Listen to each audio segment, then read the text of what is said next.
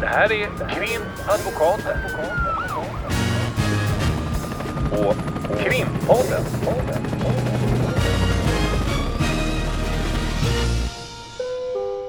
Parter och ombud kallas till sal 32. Hej Ulrika! Hej Lotta! Idag sitter vi här med en gäst som vi ska prata lite med i vår provisoriska studio i Almedalen. Just det, och vi sitter faktiskt eh, i eh, ett café där det som tur är stängt idag och vi är i, på Gotlands museum, Fornsalen. Jättefint museum är det här och nu när vi har lyckats snika oss in här så ska vi passa på också att titta på deras fina samlingar. Och det- vi har också suttit och tittat på rättegångsspelet som Advokatsamfundet har hållit här idag. Och då har vi en gäst och jag tror att alla vet vem det är, men han får presentera sig själv. Jag heter Oisin Cantwell och är nyhetskolumnist på Aftonbladet. Bra, då vet vi vem du är. Jätteintressant att du är här. Du har varit med i rättegångsspelet. Ja, jag satt som nämndeman. Det var en oerhört eh, intressant, eh, rolig, eh, krävande uppgift. Var det svårt? Det var svårare än eh, eh, vad jag trodde att det skulle vara i förhand. Alltså själva brottet var ju då ett eh, fiktivt blåljussabotage av kanske inte alltför allvarlig dignitet. Vi snackar inte påskupplopp här. Eh, en ganska banal historia, stökigt utanför krogen, bråk uppstår med poliser och så vidare. Eh, men när då sedan den här, äh, den här äh, händelsen möter äh, lagstift, lagen, hur den är konstruerad och, och vad som krävs och, och så vidare, så blev det ganska svårt. Mm då, då, då, då är det så här att nu kommer ju det ligga ute eh, så att man kan titta på det och vi kommer att informera våra lyssnare om hur man kan ta del av det. Så vi ska inte fråga dig hur du dömde, för det är Okej. därför man ska kolla på det så att det blir extra spännande. En cliffhanger. B- Bra att jag inte spoilade här. Det var Eh, bra, det var bra att du sa väldigt- till. Precis, nu gäller det att vara uppmärksam här. Du, jag skulle vilja fråga dig, eh, du jobbar ju ganska mycket med och har under många år gjort med olika rättsfall. Du skriver om juridik, du skriver skriver om advokater, åklagare, lagstiftning och så. Och då skulle jag vilja börja med att fråga hur det ser ut om du bevakar en rättegång till exempel. Hur mycket material tar du del av? Och, och hur mycket förbereder man sig när man liksom kliver in utifrån ett journalistiskt perspektiv jämfört med vårt perspektiv? Jag brukar förbereda mig i den bemärkelsen. För det första läser jag på vad tidningar har skrivit. Eh, det är ju dock inte en rättskälla för att uttrycka det eh, diplomatiskt. Det kan stå allt möjligt konstigt i tidningsartiklar så eh, man ska inte förlita sig för mycket på det. Sen så- brukar jag faktiskt nöja mig med innan jag går till en rättegång att läsa själva stämningsansökan. Va? Där, därför att för det första så, så är det så att eh, i den mån jag går på rättegångar så handlar det i allmänhet om väldigt grov brottslighet. Eh, de här gängmorden är ju på tapeten. Det kan vara Adriana, det kan vara något åt, åt det hållet. Va? Och då är förundersökningsmaterialet oerhört krävande att sätta sig in i. Och den tiden har inte jag riktigt. Dessutom så vill jag liksom inte att mina sinnen ska korrumperas. Alltså, jag- vill veta grunderna, vad åklagaren har för bevisning, hur inställningen ser ut och sen vill jag gå till den här huvudförhandlingen med något slags öppet sinne. Så å ena sidan så ska man vara påläst, man ska veta ungefär vad det här handlar om. Å andra sidan så ser inte jag någon värde i att sitta och plugga 2-3 tusen sidor förundersökning. Nej, det förstår jag. För ibland är det ju också så, eh, med all respekt för att du är journalist och jag är, är jurist, så kan man ju också tänka att när man inte kan det juridiska hantverket då, då är det ju som att man inte ser skogen för alla träd. Det är jättesvårt att läsa en gigantisk förundersökning när man inte är skolad för det.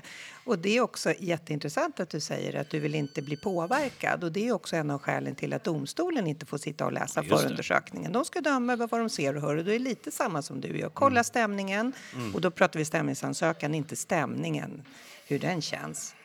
Men Sen brukar jag för all del sen i min färdiga kolumn ha med just stämningen i rättssalen också. Ja. Det, är en inte oviktig ingrediens, men jag går inte dit med någon så här, eh, eh, stämning i den bemärkelsen i huvudet, utan det, det får ju verkligheten avgöra hur det blir. hur är det sen då när det kommer dom och så? Tar du del av det och, eller hur funkar det? Ja, det tar jag definitivt del av. Nu är det så här i det här eh, samtida stressade medieklimatet med hemsidor och konstanta uppdateringar. Alltså när jag var ung journalist, då säg att en dom kom klockan 11, då hade man ju åtskilliga timmar på sig.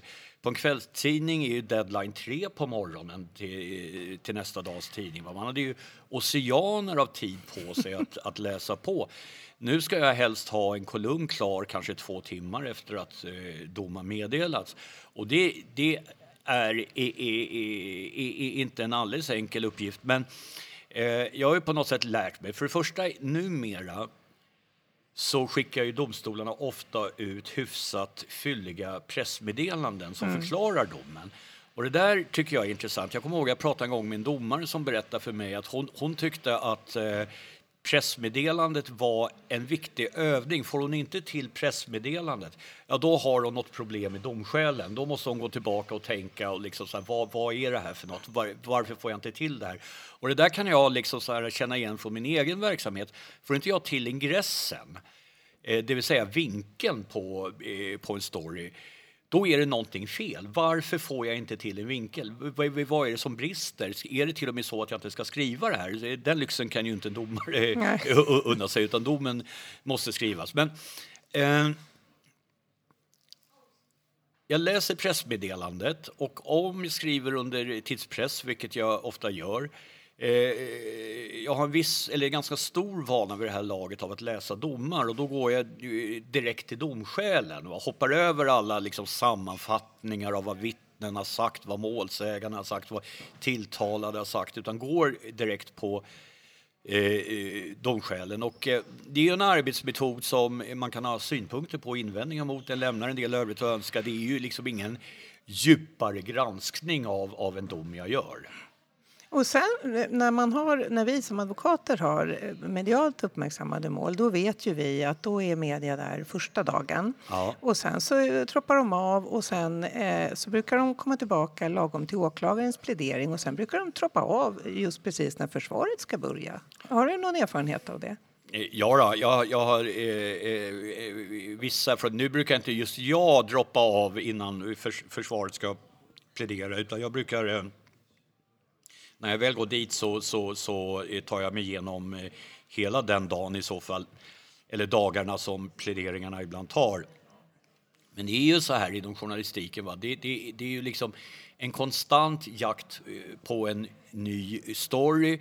Redaktionerna numera är slimmade, eh, antalet journalister är färre, eh, resurserna är inte lika stora som de var en gång i världen. Och eh, det finns också en otålighet som gör att ja, nu börjar en rättegång. Det är en nyhet.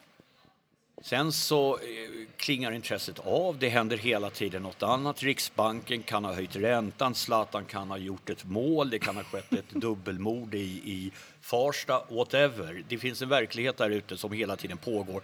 Och med all respekt, dag 22 i en utdragen huvudförhandling kanske inte är världens eh, eh mest intressanta nyhet. Så jag förstår att journalister droppar av. Jag förstår också att inte minst en brottmålsadvokat kan bli frustrerad över en eh, väldigt rapsodisk, eh, förenklad eh, rapportering och så går man dit och så lyssnar man på vad åklagaren har att säga, sen ställer man sig upp och går. Det, jag hade också blivit väldigt frustrerad om jag var försvarsadvokat i ett sånt läge.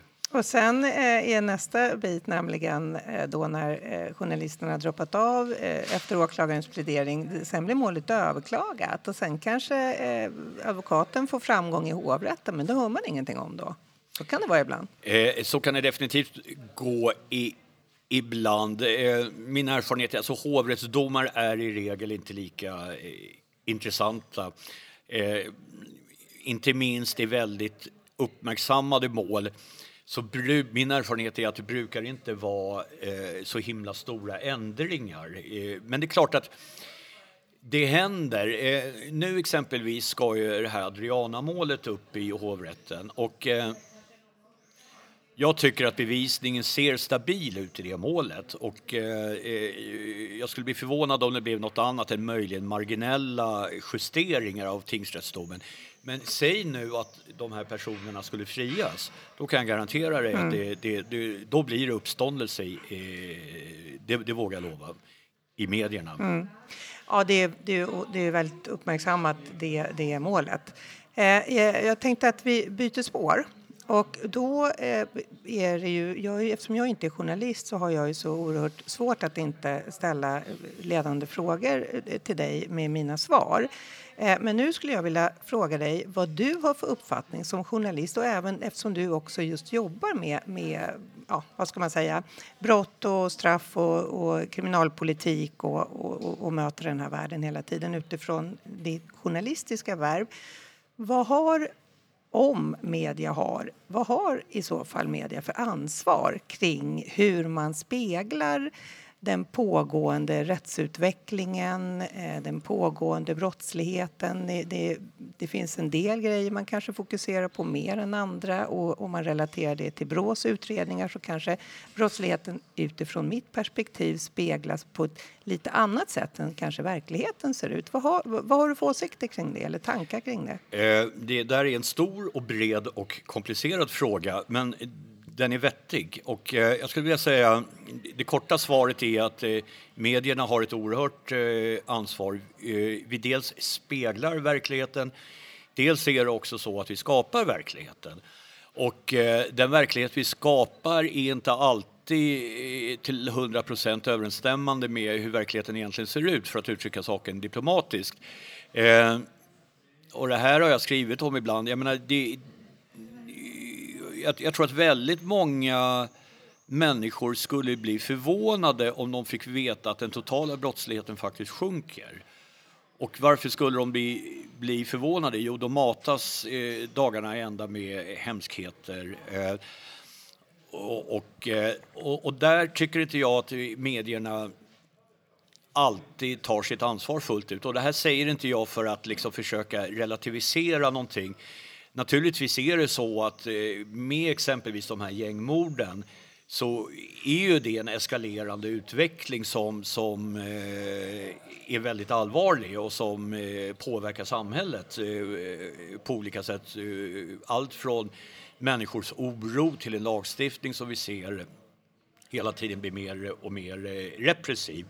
Eh, och det där måste adresseras och det där måste skildras. Men eh, jag kommer ihåg jag skrev eh, en, en eh, text eh, för bara några månader sedan när Brås slutgiltiga statistik över dödligt våld för år 2022 kom så visade det sig att trots att gangstermorden var uppe i all time high så eh, hade antalet mord sammantaget bara ökat med, med om, om jag minns rätt, tre stycken.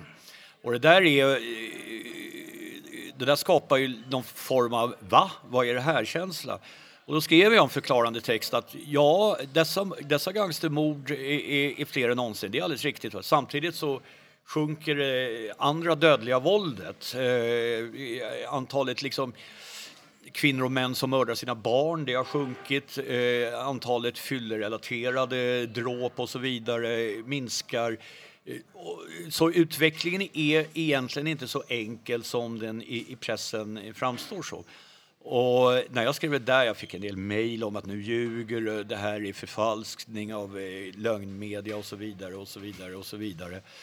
Eh, nu blev det här svaret väldigt långt, men för, om jag då ska sammanfatta. Ja, medierna har ett stort ansvar och medierna tar inte alltid sitt ansvar fullt ut. Vad, vad fint att du säger det, för då eh, får Då jag slipper det. du säga det. Då slipper jag säga det, precis. Eh, det är eh, superspännande. Jag skulle vilja sitta och prata med dig väldigt mycket längre tid, såklart. Men jag vet ju att du har andra åtaganden. här Jag ska iväg på ytterligare en poddinspelning alldeles strax. Det är mycket podd här. Ja, det Ja. är det, det, det nya svarta. Det är det så, ja. Precis. Men vad bra, då tackar vi. Innan vi avslutar. Vi, vi, ska, vi har en liten grej till här. Vi har en, en sista fråga, tror jag, i alla fall. Ett sista område vi vill också Ja. prata med dig om. Och det är ju på den senaste, den senaste tiden, det här med mediernas ansvar och hur man skildrar samhället. ehm, så har ju vi naturligtvis utifrån vårt perspektiv, mediernas sätt att skildra advokaten också, försvarsadvokatens roll i rättskedjan om man säger. Och då har vi ju den senaste tiden publiceringar i Expressen eh, som vi har reagerat på, som vi har pratat om i podden och så vidare. Jag, jag antar att du vet vad jag pratar om och det så skulle vi också vilja. Hur, hur ser du på den typen av, av publicering och den typen av texter? Vi kanske Eh, ska bara rekapitulera för lyssnarna att det handlar om eh, en, en, en journalist som har skrivit en artikel i Expressen där han har publicerat eh, namn och bild på en advokat där han påstår, eh, mellan raderna men ganska explicit trots allt, att den här advokaten har medverkat till att ett brott har kunnat ske genom att han har tagit ut ett så kallat dagboksblad. Vad, precis, det var bra att Lotta kom ihåg det. Vad säger du om det då? Jo, alltså så här, för det första, eftersom jag då jobbar på Aftonbladet och det här skedde på Expressen eh, så vill jag egentligen ogärna recensera vad eh, konkurrenten ägnar sig åt. Därför att om jag då skulle kritisera den så kan det ju faktiskt på goda grunder se ut som att jag gör det bara för att det är det är den andra tidningen. Men det man generellt kan säga, och dessutom är jag inte särskilt, jag har gått på semester, jag är, jag är inte särskilt insatt i det där fallet. Eh, men jag kan säga så mycket som att om jag minns rätt nu så är det så att även Aftonbladet skrev om det här fast utan att nämna advokatens namn.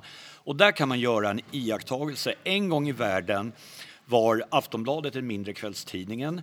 Eh, och vi tog större risker, vi utmanade pressetikens gränser eh, hårdare än vad Expressen gjorde därför att vi jagade Expressen. Vi ville komma ifatt dem, vi ville komma förbi dem. Nu är rollerna de omvända. Expressen är mindre och oftare går längre i, i i, i, i- sin eh, i, ja, i namn och bildpubliceringar och, och, och så vidare. Och det tror jag kan vara en förklaring till att Expressen gjorde på ett sätt och Aftonbladet gjorde på ett annat sätt. Så det jag inte sitter här och försöker säga är att Aftonbladet har en tjusigare etik och att eh, vi är mer återhållsamma. Jo, jo, vi är mer återhållsamma, men det beror inte på att vi är tjusigare människor utan det har väldigt mycket att göra med rollerna som, som större och mindre kvällstidning. En sista fråga då eh, med tanke på eh, ditt tidigare svar här som föll mig alldeles eh, jättebra svar, det vi pratade om tidigare. Hur är det med mediernas beskrivning av advokater? Eh, Vi hör om, om gangstrar i, i kostymer, det är så advokater kallas idag. Vi upplever ju att att vi eh, är villebråd just för närvarande. Och det tycker vi är problematiskt i förhållande till att vi är en del av rättsapparaten och demokratin i förlängningen. Va, vad har du för synpunkter på, på våra synpunkter i den delen? Ja, Om vi säger så här, eh, jag förstår din synpunkt och jag delar den. Jag tycker det är en bekymmersam situation. Vi lever i en auktoritär tid och det här är ju en ganska stor fråga som innehåller flera element. Allt från en lagstiftning som hela tiden blir mer och mer repressiv. Långsamt så inskränks alla vår eh, frihet och varje liten, varje lagändring eller lagskärpning kan säkert gå att motivera på goda grunder. Va? Men sammantaget så blir det en försämring av eh, rättssäkerheten.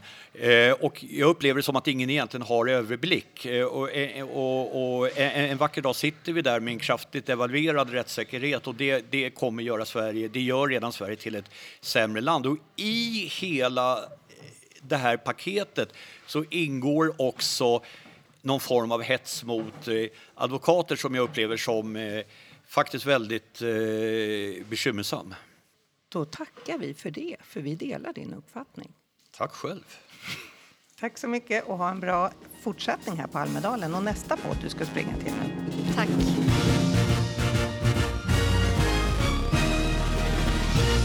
Ja, nu har vi tagit oss en bit ifrån eh, Gotlands museum där vi hade eh, en intervju med eh, Oisin Cantwell. Vad, vad, hur tycker du att det gick? Jag tyckte det var jätteroligt att vi fick en möjlighet att prata med Oisin just eftersom vi i förra avsnittet var inne just på det här med, med den här publiceringen som han ju gav sin syn på. Och Jag Av den tycker ju- här advokaten? Ja, den här advokaten och det här dagboksbladet och så vidare. Vi pratade ju ganska utförligt om det i förra avsnittet så det kan man ju också gå tillbaka och lyssna på. Men eh, jag tycker överhuvudtaget att eh, det är ju spännande också eftersom vi genomgående i podden återkopplar till medierna och deras eh, syn på saker och så vidare och oftast är ganska kritiska eftersom vi tycker att det skildras ibland förenklat, ibland fördummande och att vi den senaste tiden, senaste året ser en, eh, en bekymmersam eh, rapportering vad gäller just advokater. Och då menar jag naturligtvis inte sådana som har misskött sig utan jag menar det här som vi har varit inne på att man, man, man ska säga om vårt arbete alltid passa på att säga hur omsättningen har sett ut och andra tycker jag lite, mm, vad ska man säga, under bältet rapportering. Mm. Och sen tycker jag också att eh, det var ju tur att du fångade upp den frågan där när jag var precis beredd på att avsluta. Mm. Eh, Eftersom var, han hade andra Han åtaganden. hade så digert program ja, så vi Mm. hade fått våra minuter. Så att, Men, men eh, det som vi diskuterade innan vi pratade om den här namn och bildpubliceringen av den här specifika advokaten eh, så att han också kunde ge sin syn på, på mediernas, eh, så som jag tolkar det, att han anser att medierna har ett ansvar i att i förlängningen inte spegla verkligheten som verkligheten ser ut. Vilket leder till att människor, det är min analys, eh, tar del av media och sen vill man ha repression därför att man har egentligen inte riktigt koll på verkligheten. När han berättade det här med att han hade tagit del av Brås rapport när det gällde det dödliga våldet och att det då i själva verket inte alls såg ut som medierna speglar och att han då, eh, det det är ändå intressant att han då får, får kritik för det. Och, och det går ju bara att läsa till och det är väl lite det vi också känner att vi propagerar i den här podden för att folk ska ta del av, av eh, utredningar och undersökningar och det som är vetenskapligt dokumenterat. Men, eh, men att det, det är en annan bild. Och när vi sitter och pratar om det här så blir det som att vi sitter och gnäller fast det faktiskt det i slutändan handlar om, och det är väldigt allvarligt, eh, att rättsstaten just nu faktiskt har en del att önska. ja. Så det, det var ett schysst samtal tycker jag. Ja, men jag tycker det. Och jag, nu är jag och Yrsin också, ska ju sägas. Vi har ju hänvisat till honom i några av våra avsnitt. I något av dem har vi varit kritiska till hur han har rapporterat. Men oftast så har ju han en balanserad rapportering av, av rättsväsendet. Så det, jag tyckte ändå att han i den här intervjun också gick ett steg längre som jag tyckte var positivt. Att han just också var bekymrad i, i hur det rapporteras i vissa delar och, och det här ansvaret att man... eh, Att det, det, ja, men det är bra att vi har samsyn, relativ samsyn eh, i de olika delarna för det är viktigt. Mm, media är en, en ganska stor och Eh, maktfaktor. Det är en maktfaktor. maktfaktor. Ja. Ja. Eh, Men eh, med det sagt så um, ska vi säga ju att vi har varit här i Almedalen. Idag är det dags för hemfärd. Men ehm, nästa avsnitt, där kommer vi eh, ha ett avsnitt som vi kanske kommer kalla En dag på stan i Almedalen. Och, En vanlig dag visa- på jobbet för dag podden på- i Almedalen. Krimpodden, en vanlig dag för Krimpodden i Almedalen. Ja. Men eh, ja, det ser vi mycket fram emot. Jag tror att det kan vara väldigt spännande att lyssna på eftersom vi har gått runt med vår portabla eh, poddutrustning på stan och Approcherat approcherat, personer. haffat flera personer och ställt liknande frågor och fått Mm. lite olika svar och lite olika reaktioner som eh, vi kommer att göra ett litet hopklipp av. Så det, är- det är jätteroligt. Det har varit jätteroligt att vara här. Super, då, då Med det sagt så tackar vi Exakt. för oss. Tack, tack. Tack, tack. Krimpodden.